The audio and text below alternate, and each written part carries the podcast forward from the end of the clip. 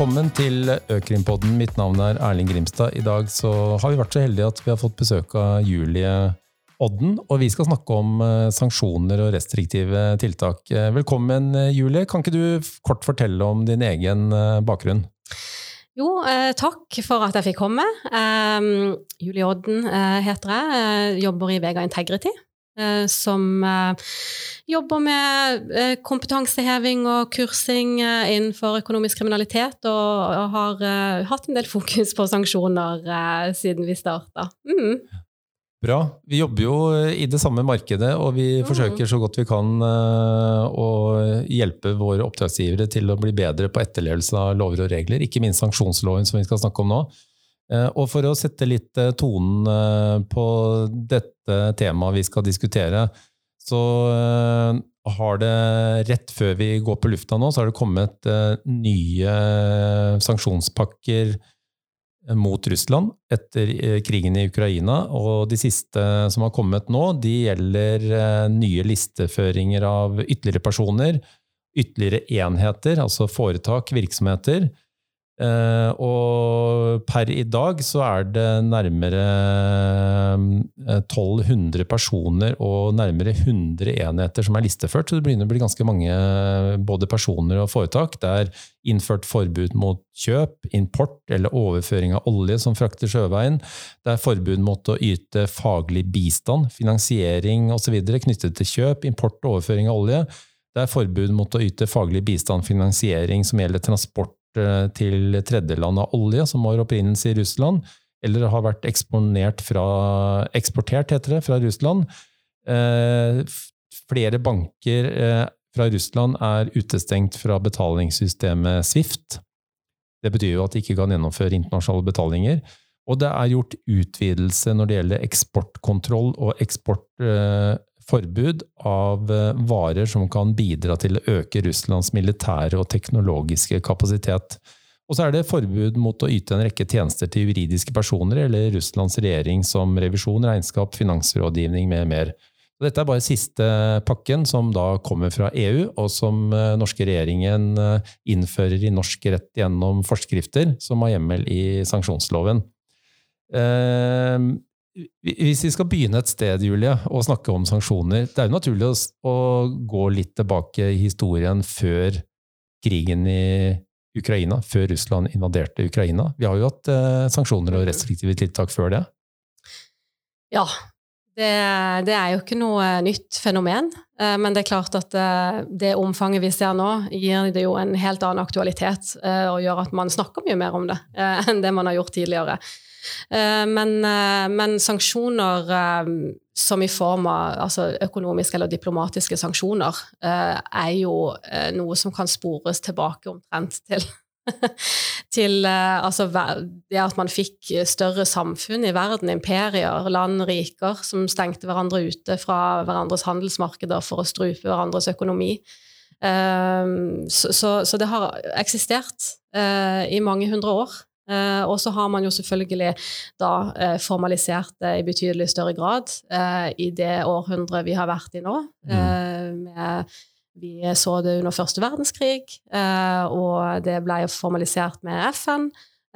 og så har man, bare har man sett en sånn gradvis økning til dit vi er i dag. Mm. Mm. Og, og jeg, jeg, husker jo godt 9-11 2001, terroraksjonen mot USA. Og det som skjedde da med listeføring av de man mente var koblet til terrorfinansiering, og hvor det til og med var personer som bodde her i Norge, som ble listeført på disse første listene som kom rett etter 9-11-2001. Eh, hvor man innførte frysbeslutninger, altså at midler som tilhørte de personene Hvis de hadde bankkonto i en norsk bank, så måtte midlene fryses. Det var jo et veldig sånn dramatisk, kan du si, en milepæl på en måte i hele sanksjonslandskapet, som veldig altså tidligere hadde vært veldig fokusert rundt disse embargoene, som gjerne var veldig breie, ikke sant? Mm. og så gikk man over til noe helt annet. Eh, mm. Eh, blant annet fordi at man eh, ja, ønsker jo å redusere konsekvensene man ser at sanksjonene får på mm.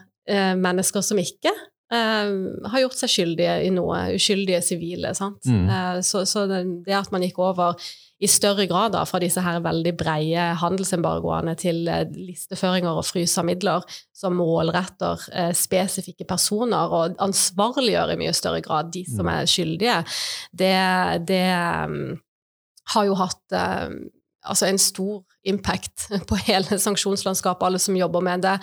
Uh, men det er klart at man har jo fortsatt handelssanksjoner. Mm. Og hvis de eh, blir mange nok, sånn som vi ser med, med Russland nå, så, så, snakker man jo om store konsekvenser for sivile, selvfølgelig. Og jeg har en uh, følelse, eller et inntrykk, uh, av å snakke med en del uh, personer der ute, om at sanksjoner oppfattes nettopp i form av personer, enheter oppført på disse fryslistene. Typisk etter 9-11. Terror. Mm kobling, terrorfinansiører osv.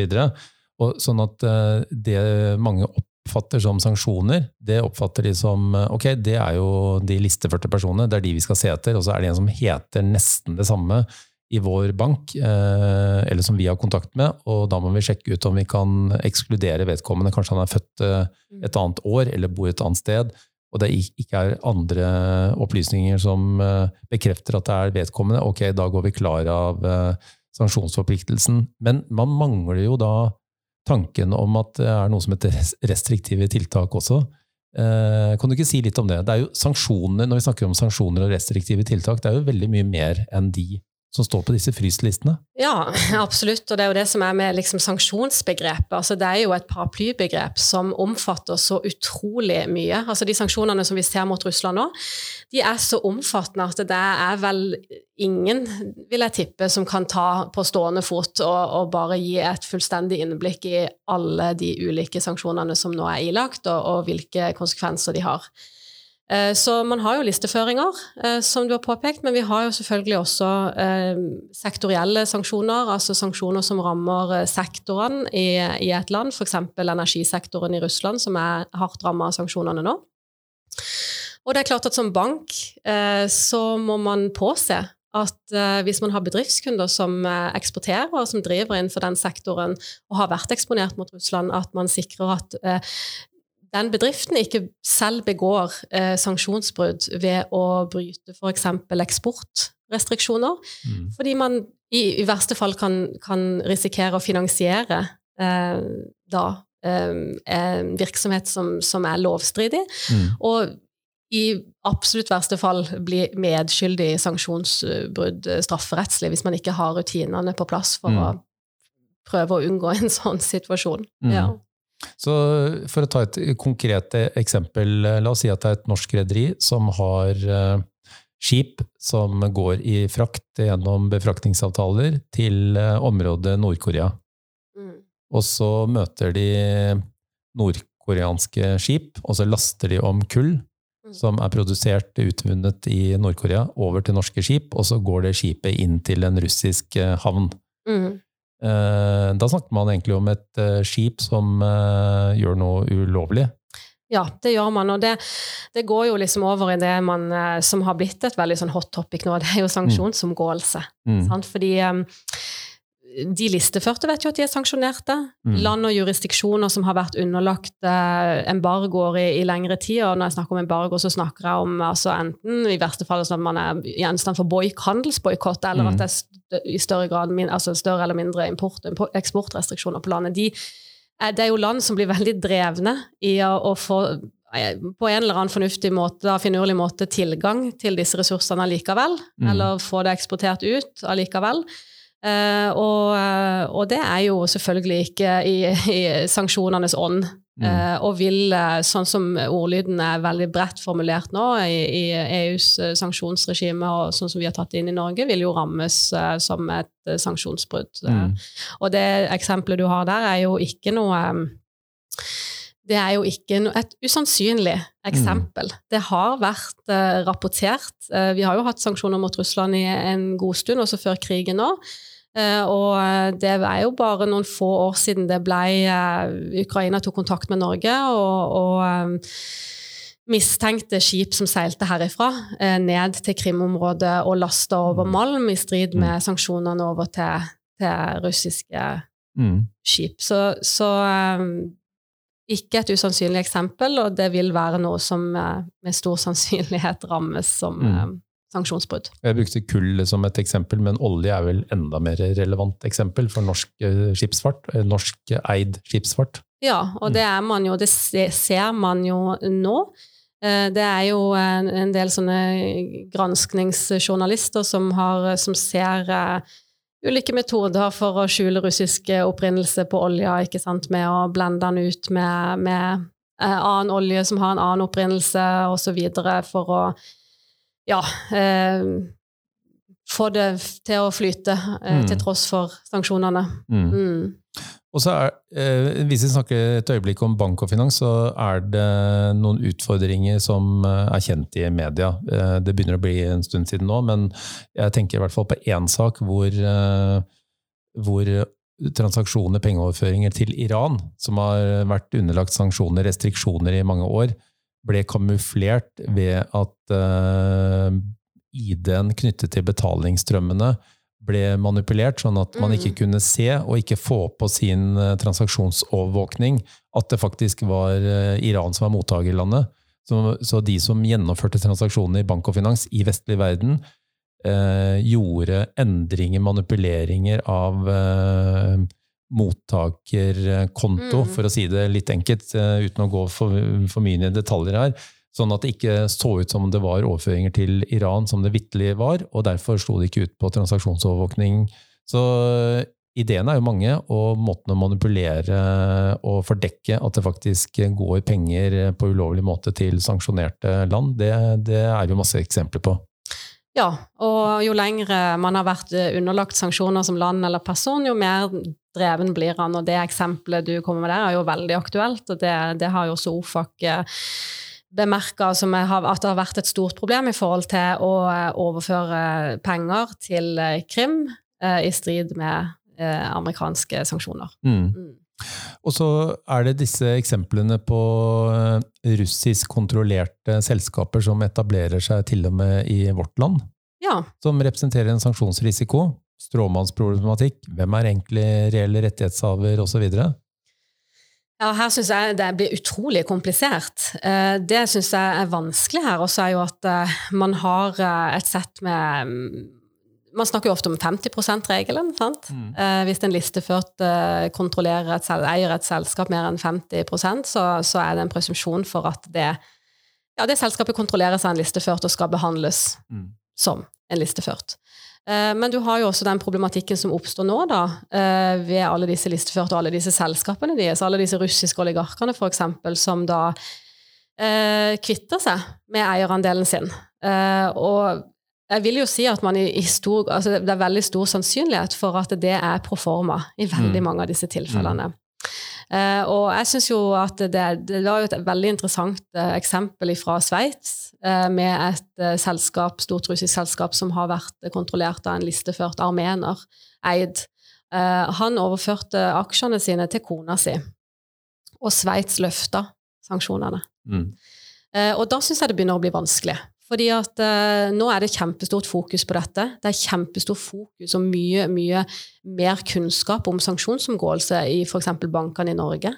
Eh, jeg tror eh, de aller fleste bankene i Norge ville sett på det som en proforma-transaksjon og, og eh, fryst midler og, og, og meldt inn eh, frysmelding til, til UD i en sånn type situasjon. Men det er klart at eh, å sitte som bank og, og skal ta en em, beslutning på noe som avviker fra et helt, beslutninger til et helt land, eh, det er klart at det, det er krevende. Mm. Det er fryktelig krevende. Eh, og, og et tyngende ansvar. Sanksjoner og restriktive tiltak er jo politisk. Mm. eh, på alle mulige måter. Men, men vi, la oss si altså Tenk tilfelle. En, eh, en eh, liten, mellomstor bank eh, følger ikke med i timen, begår eh, sanksjonsregelbrudd i flere tilfeller. Er det noe risiko for at de selv kan bli sanksjonert? Ja, Mm. det er det. Eh, Det er jo absolutt en tilstedeværende risiko. Det har man jo eksempler på. OFAC har jo vært kanskje den mest aktive aktøren her. De har jo sanksjonert f.eks.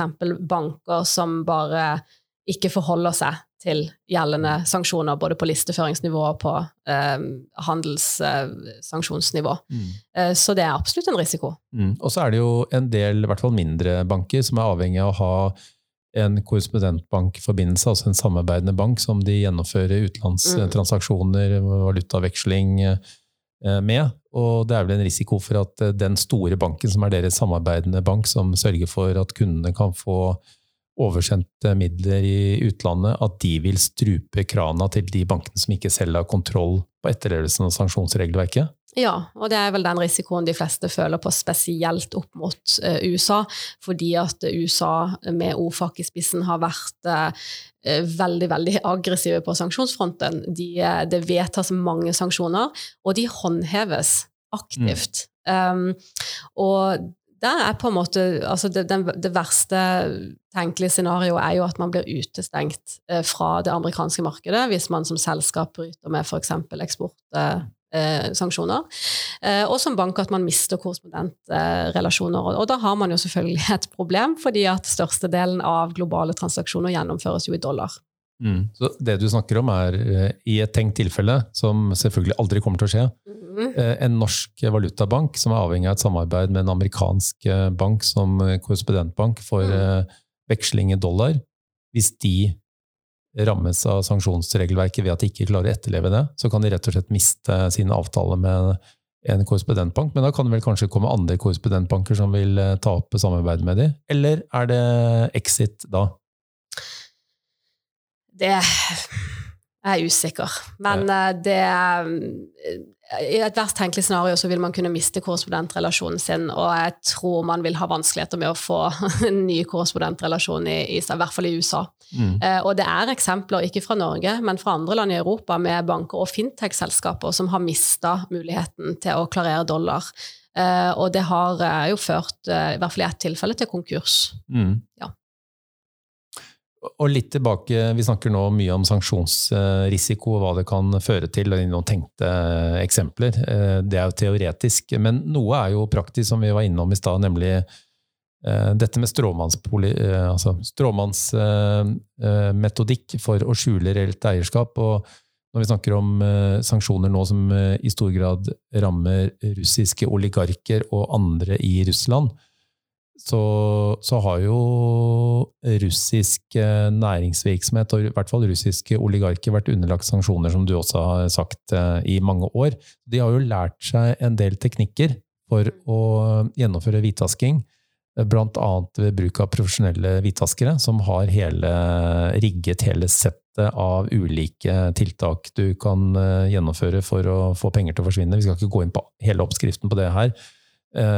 Men Eh, litt tilbake til norske virksomheter, hvor, eh, hvor eh, russiske næringsinteresser og til og med oligarker har vist seg å være reelle rettighetshavere. Jeg tenker på et selskap på Vestlandet som mm.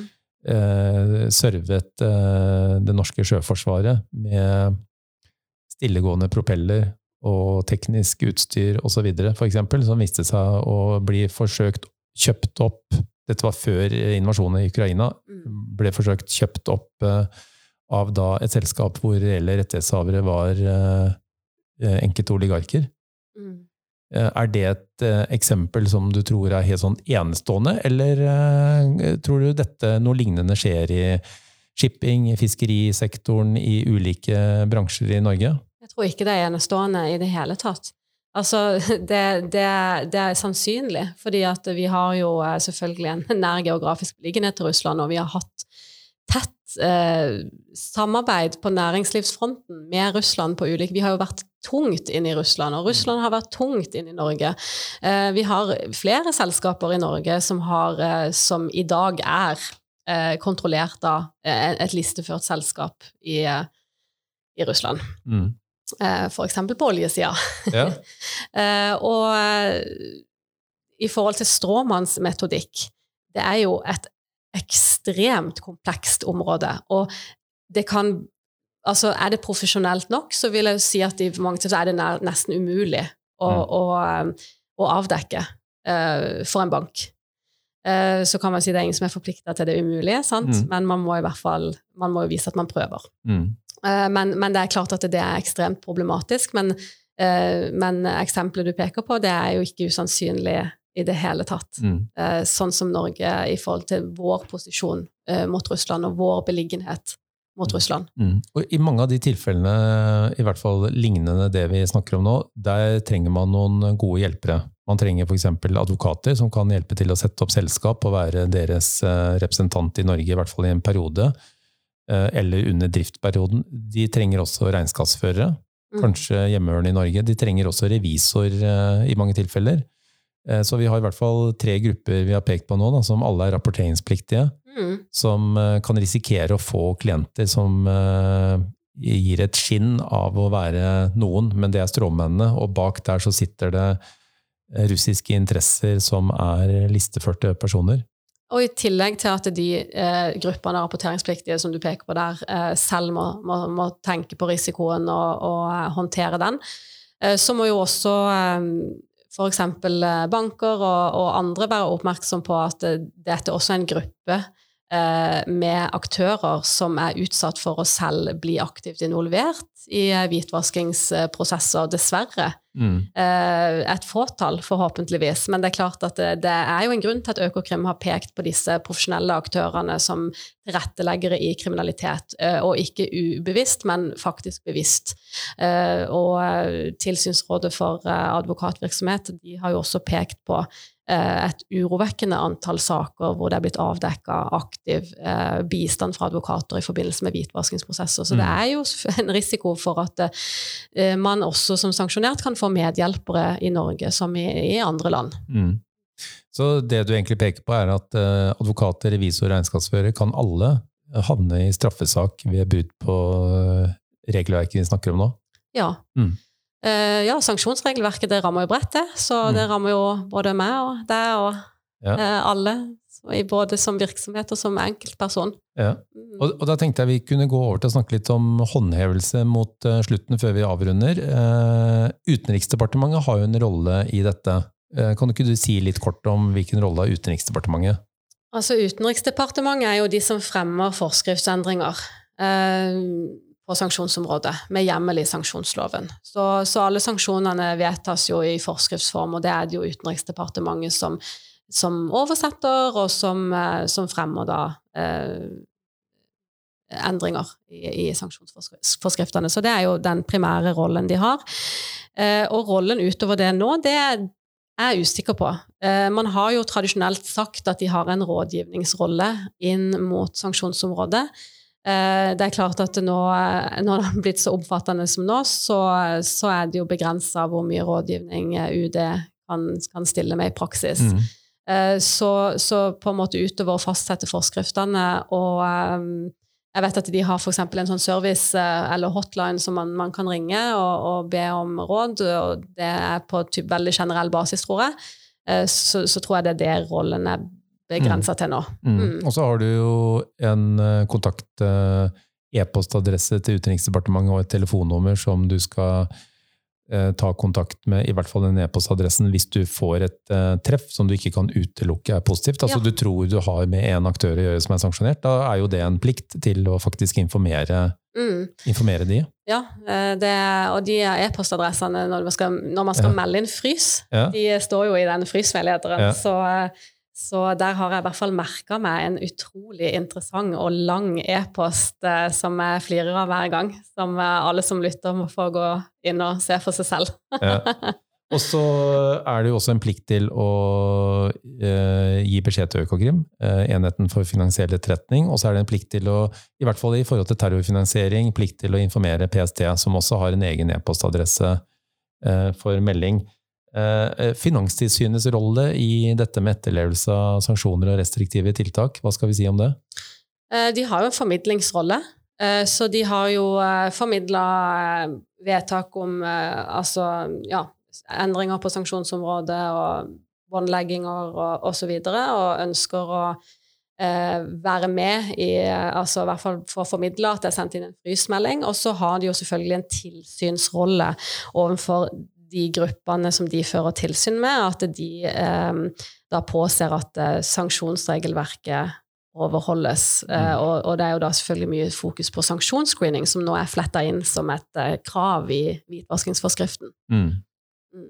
Og det ser vi jo i enkelte rapporter fra Finanstilsynet når de har vært ute på tilsyn, at de også har sett på sanksjonsetterlevelsen. Ja, fokuset der har jo også Nå har de jo hatt et tematilsyn eh, som påbegynte før krigen, eh, som jeg tror har vært veldig nyttig for alle parter som har gått på eh, sanksjonsscreening. Eh, som jeg nok tror har vært en sånn øyevekker for, eh, mm. for alle. Mm. Mm. Og så er det jo viktig å understreke at uh, hvis man bryter det regelverket vi har snakket om i denne podkastepisoden, så er det ikke gebyr fra Finanstilsynet som truer. Da er det straffesporet og påtalemyndigheten, er det ikke sånn? Det, det, det ja. er helt riktig. Det er straffesporet, og det er fengsel, og det er bøter. Eh, nå, eh, jeg har jo ikke vært kjent med at det har vært noen saker på dette området her i Norge. Jeg ble faktisk gjort kjent med nå at det er én person som har fått en dom som i utgangspunktet var tiltalt for terrorfinansiering for overføring til Al Shabaab i Somalia. Var ikke, den var ikke listeført på det tidspunktet, men han hadde jo da brutt eh, eh sanksjoner, mm. eh, andre sanksjoner da mot eh, Mm. Eh, så han ble eh, faktisk dømt på grunnlag av sanksjonsforskriftens bestemmelser. Men det har ikke vært noen straffeforfølginger mot selskaper i Norge ennå for brudd på mm. sanksjonsregelverket. Eh, det kan det være vi vil se mer av. Det falt jo en dom i Danmark på tampen mm. av fjoråret, som er sensasjonell, og der ble det jo bøter mot selskap involvert. si litt om den. Hva handlet den saken om? Eh, det, var, det, er jo et sånt tankselskap. altså De leverer drivstoff skip til skip på havet. Kjempe, kjempestort eh, internasjonalt dansk konsern. da. Eh, Dan Bunkering. Mm. De hadde jo over flere år levert da drivstoff til to selskaper som var sånn type agenter da, for den russiske flåten. Det var jo levering egentlig til, til Russland, det russiske skip. Eh, det som eh, var situasjonen, var at det drivstoffet endte opp i Syria i strid med EU-sanksjoner. Eh, så de ble dømt da, for, for brudd på, på, EUs sanksjoner her for, for, disse leveransene.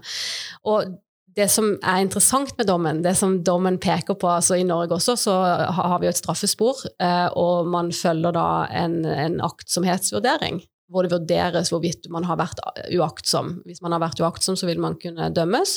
Hvis man ikke har vært uaktsom, så vil man ikke kunne dømmes. Så det helt avgjørende her det er jo at man har prosesser og rutiner på plass. Mm. Man gjør noe, man kan vise til at man har gjort noe. og Det ble problemet til Dan Bunkering. fordi amerikanske myndigheter de så på dette med stor bekymring, disse leveransene. De varsla danske myndigheter, som igjen da tok kontakt med eh, selskapet. Eh, og så gjorde ikke selskapet noe. Og leveransene fortsatte. Mm det ble på en måte den, det store problemet til dambunkering i den mm. saken, og, og uh, utslagsgivende for, uh, for dommen. Uh, og, og, dommen tydeliggjør jo også veldig veldig sterkt at det, det er, ledelsen har et personlig ansvar her. Mm. Så eh, administrerende direktør fikk jo en, en fengseldom på mm. fire måneder. Uh, så det er jo en sterk dom, et veldig sterkt uttrykk for at det, det, er ikke nok at du bare sjekker akkurat den parten du leverer til, du må også vise til at du har gjort uh, alle rimelige tiltak for å finne ut hvem som er sluttbrukeren av produktet du leverer. Mm. mm. Uh, så det vi snakker om, er en strafferisiko for enkeltpersoner. Mm. Her i det tilfellet i personer i ledelsen overfor foretaket, foretaksstraff. Ja. Som etterforskes av politiet, og som påtalemyndigheten uh, irettefører, og som krever uh, vanlige beviskrav som i en straffesak. Mm. Men hvor laveste skyldkrav er simpel aktsomhet. Mm. Eh, det gir jo noen tanker eh, for mange lyttere, tror jeg. For eh, da er det siste spørsmålet jeg har som vi kanskje bør si litt kort om, det er hva i all verden skal man gjøre da? Sanksjonsregelverket krever jo at samme dag som du oppfatter at du har en avdekket en sanksjonert person, eller du har avdekket noe som er i strid med forskriften og sanksjonsloven, så skal du reagere. Du kan liksom ikke sitte på gjerdet og vente noen uker eller noen dager. Eh, du må reagere ganske raskt. Og, mm. og hva slags uh, tiltak uh, uh, kan vi gi helt overordnet da, foretak råd om? Jeg kan jo begynne. Jeg kan jo si at et åpenbart tiltak må jo være at de må gjøre en risikovurdering. Altså må gjøre en egen risikovurdering knyttet til sanksjonsrisikoen, hvor de identifiserer i hvilke tilfeller kan eh, sanksjoner og restriktive tiltak ramme vår virksomhet. Mm. Eh, fordi at Klarer man ikke å identifisere risikoen, så vet man jo ikke hvor man skal begynne, og hvilke tiltak som vil virke. Mm. Så kan du fortsette. Et åpenbart første steg er selvfølgelig en risikovurdering, mm. som du påpeker. Og, og, det er jo eh, anbefalt, og mange, de fleste gjør jo det, integrerer sanksjons, altså arbeidet med sanksjoner sammen med antibitvask. Og det er jo fordi at eh, de er jo veldig uløselig knytta til hverandre. Mm. Eh, sanksjonsomgåelse rammes, det kan straffes. Eh, da må man ha, eh, gjennomføre kundetiltak, identifisere reelle rettighetshavere, som er tiltak man mm. allerede gjør under hvitvaskingsregelverket. Mm. Men man må sikre at man da har rutiner på plass og kompetanseheving på sanksjoner, sånn at alle som jobber med dette, som jobber med gjennomføring av kundetiltak og transaksjonsovervåkning, sanksjonsscreening, eh, har hele tiden, man har med seg den sanksjonsdimensjonen mm. inn.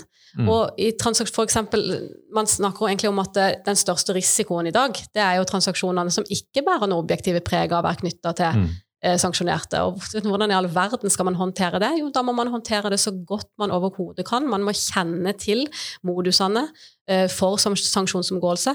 Man må ha det med seg inn i transaksjonsovervåkninga, eh, sånn at man faktisk da kan reagere hvis man får en mistanke om at dette kan være en sanksjonsomgåelse. Da vi må fryse, vi må mm. stanse transaksjonen, vi må melde fra til UD.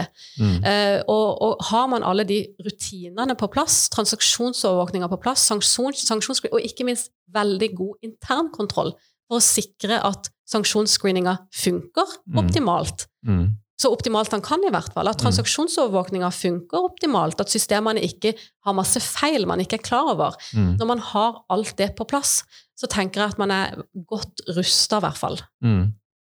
Så risikovurdering, et godt rammeverk, gode rutiner, eh, veiledning til ansatte, mm. god opplæring av ansatte. Kompetanse er jo et nøkkelbegrep her. Eh, gode transaksjonsovervåkningssystem, eh, god payment screening. Mm. Og når det kommer til kundetiltak, eh, pass på stråmannsproblematikk og finn reelle rettighetshavere, for der ligger jo noe begravd, selv om ikke vedkommende eier 50% eller mer. Ja. Veldig godt oppsummert. Det, det er i hvert fall sånn, noen gode start, starttiltak. Ja. Eh, og så håper vi at vi ikke ser i Norge det man har opplevd i Danmark, som du viser til, den ene saken i Danmark. Eh, det, håper, eh, det tror jeg vi alle håper, selvfølgelig. At ja. alle jobber veldig aktivt med dette nå. Det, det, føler man jo kanskje at de fleste gjør, sant? fordi ja. at man, eh, man, føler jo veld, veldig, veldig, veldig sterk ansvarsfølelse over å støtte Ukraina. Mm. Og det er jo veldig fint å se at mm. det også har ført til at sanksjonskompetansen har økt betydelig da, disse mm. månedene. Fokuset har økt betydelig, mm. og det er fint. Men uh, det er ikke umulig at det skjer her òg. Det er kanskje av og til den største feilen vi gjør på hele området for mm. økonomisk kriminalitet. Det er jo å mm. tenke at det, det, det skjer ikke sånne her ting i Norge. Nei. Og så, Vi har jo snakket mye nå om tiltak eh, som er innflettet i antihvitvaskingstiltak all, allerede, så jeg håper ikke mm. lytterne tar feil her og tror at dette gjelder bare rapporteringsplikt i foretaket etter hvitvaskingsloven. For sanksjonsregelverket gjelder jo enhver en virksomhet, og til og med alle fysiske personer. Så det er mye videre nedslagsfelt. Så alle de som ikke har transaksjonsovervåkning fordi at de ikke er rapporteringspliktige, mm. eller har den plikten etter hvitvaskingsregelverket, de har jo ikke den løsningen eh, på plass, og de har en lengre vei å gå. Mm skal vi helt til slutt da, eh, snakke litt om uh, hvilke bransjer er mest utsatt. Vi har jo snakket om bank og finans. Uh, altså betalingsstrømmer, transaksjoner, bank og finans. Åpenbart risikoutsatt. Shipping, mm, shipping, har vi snakket om. Åpenbart kunst. Riske, ja, kunst. Mm. Hvorfor det, egentlig? Kunstmarkedet, det er jo Kunst er jo et objekt Kanskje et av de mest brukte objektene i mm. hvitvaskingsprosesser ved siden av fast eiendom. Mm.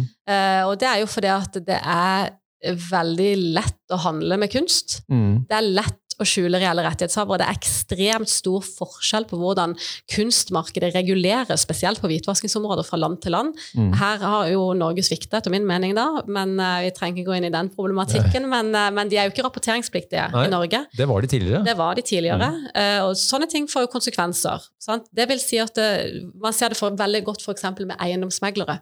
Mm. De landene hvor eiendomsmeglere ikke er underlagt hvitvaskingsregelverket, har hatt mye større problem eh, med organiserte eh, kriminelle fra utlandet som kjøper seg inn i eiendomssektoren. Mm. Eh, og det er jo et, kan jo bli et problem for det norske kunstmarkedet. Og vi har også sett at, at sanksjonerte har benytta kunstmarkedet flere ganger. Det, man kan skjule reelle rettighetshavere, man kan oppbevare de i disse her toll-lagrene i all Mm. overskuelig tid, ikke sant. Mm. Så, så, så F- Free zones. Yes, Mm. free zones. Mm. Eh, vi har jo det her i Norge òg, så Mm. det ehm, Så kunstmarkedet, shipping, som du nevnte, olje og gass, um, Energi. energi, Ja. Uh, transport. Ja. Så generelt, Mm. transport Mm. Um, er klart at det, dette er jo bransjer som er, som er utsatt. Ja, mange har sikkert hørt om Assad-regimet som setter opp fiktive selskap for å bestille ting på nettet, og så kommer det Ja. levert med skip ikke sant, Ja. til havner i nærheten av Syria. De bestiller jo alt fra Ja. Apple-produkter til Ja. Så transportsektoren. Og så, vi var jo så vidt innom fiskerisektoren også. altså Fiskerisektoren som er en veldig stor næring i Norge, og som uh, i stor grad uh, Hvor stor grad vet vel uh, bare Fiskeridepartementet og noen få. Men russisk innslag i norsk fiskerisektor er jo ganske stort. Det er veldig stort. Ja, så det er jo en risikoutsatt bransje med tanke på sanksjoner som nå rammer eh, russere Ja. på ulike måter. Ja, Det er det absolutt, og fiskerisektoren er jo en, bare en utsatt sektor helt generelt på området for økonomisk kriminalitet, men åpenbart også selvfølgelig på sanksjonsområdet. Nå er jo disse fiskebåtene i forhold til å ta, komme i havn i, i Norge, de er jo altså det, det er jo lov per i dag. Mm. Eh, men det er klart at eh, fiskesamarbeidet som vi har med, med, med Russland, det er jo omfattende. Så eh, at, at det er en bransje som åpner opp for å kunne i større grad etablere seg i strid med sanksjoner, det mm. Mm. Helt til slutt, har du noen tips eller noe du har på hjertet før vi avrunder? Kanskje, mm, kanskje ikke noe nytt, men igjen bare understreke hvor viktig det er å ha med seg at eh, sanksjonsscreening ikke er eh, nok. Eh, det er så viktig å ha et komplett og holistisk rammeverk med gode rutiner for å sikre at man kan avdekke sanksjonsomgåelse så godt man i hvert fall kan, og ikke minst sikre at man ikke finansierer bedrifter som begår brudd på eksportsanksjoner, eksempel, altså ulike former for handelssanksjoner. Mm. Så jeg tenker det er en grei ting å understreke helt til slutt. Og med holistisk approach så går jeg Ja. fra at du tenker på ikke sånn tikkende boks og Nei, hodet under armen og bare helhetlig risikobasert riktig. god tilnærming ja. for å ivareta sin egen risiko, rett og slett. Mm. Og, og risikoen, den kan jo aldri eh, være lik null. Mm. Det går ikke. For det er risiko på dette området her, og det er ikke mulig å avdekke alt. Mm. Eh, men man kan avdekke noe hvis Mm. man har eh, gode rutiner og gode rammeverk på Mm. plass. Og så tenker jeg på omdømmerisikoen knyttet til at et norsk selskap viser seg, eller en norsk aktør Mm. viser seg å ha vært med på å kanalisere på skjulte måter midler til personer som er sanksjonert som følge av krigen i Ukraina. Det gir en ganske dårlig sånn omdømmeeffekt, tror jeg mange PR-rådgivere ville Skrevet under på. Helt Ja, ja. enormt. Og én ting er jo på en måte at Ukraina sitter sterkt i våre hjerter, da, men du har jo Mm. også en del andre sanksjoner som går på altså, land som eh, støtter terrorgrupper eller begår omfattende menneskerettighetsbrudd, og, og som bedrifter bryter sanksjonene og likevel f.eks. leverer til et slikt land, eh, vil være et, eh, ja, et omdømme ikke jeg ville hatt for min bedrift, i hvert fall. Ja. Mm. Julie Odden, tusen takk for at du kom til eh, Økrimpodden. Takk skal du ha.